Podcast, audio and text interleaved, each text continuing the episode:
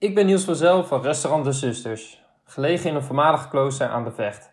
Het eten bij De Zusters is geïnspireerd op de natuur op de buitenplaats Dormurg en het leven in een klooster. We experimenteren veel met de mogelijkheden van deze plek. We plukken en verzamelen veel van wat we in de keuken verwerken. Dat is niet alleen omdat we denken dat dit beter is voor de aarde, maar ook omdat het beter smaakt. Onze producenten en leveranciers proberen we nauw te betrekken in ons verhaal. Zo houden we de lijnen kort en bouwen we hier ons eigen imperium van lokale producenten en leveranciers. We zijn van mening dat juist die verbinding belangrijk is voor een eerlijk product. We proberen ook jou als gast mee te krijgen in deze verbinding. Er wordt zoveel mogelijk gestreefd naar zelfvoorzienendheid. Zo worden de varkens op de buitenplaats gevoerd met restjes van het restaurant, terwijl zij de grond klaarmaken voor de toekomstige moestuin.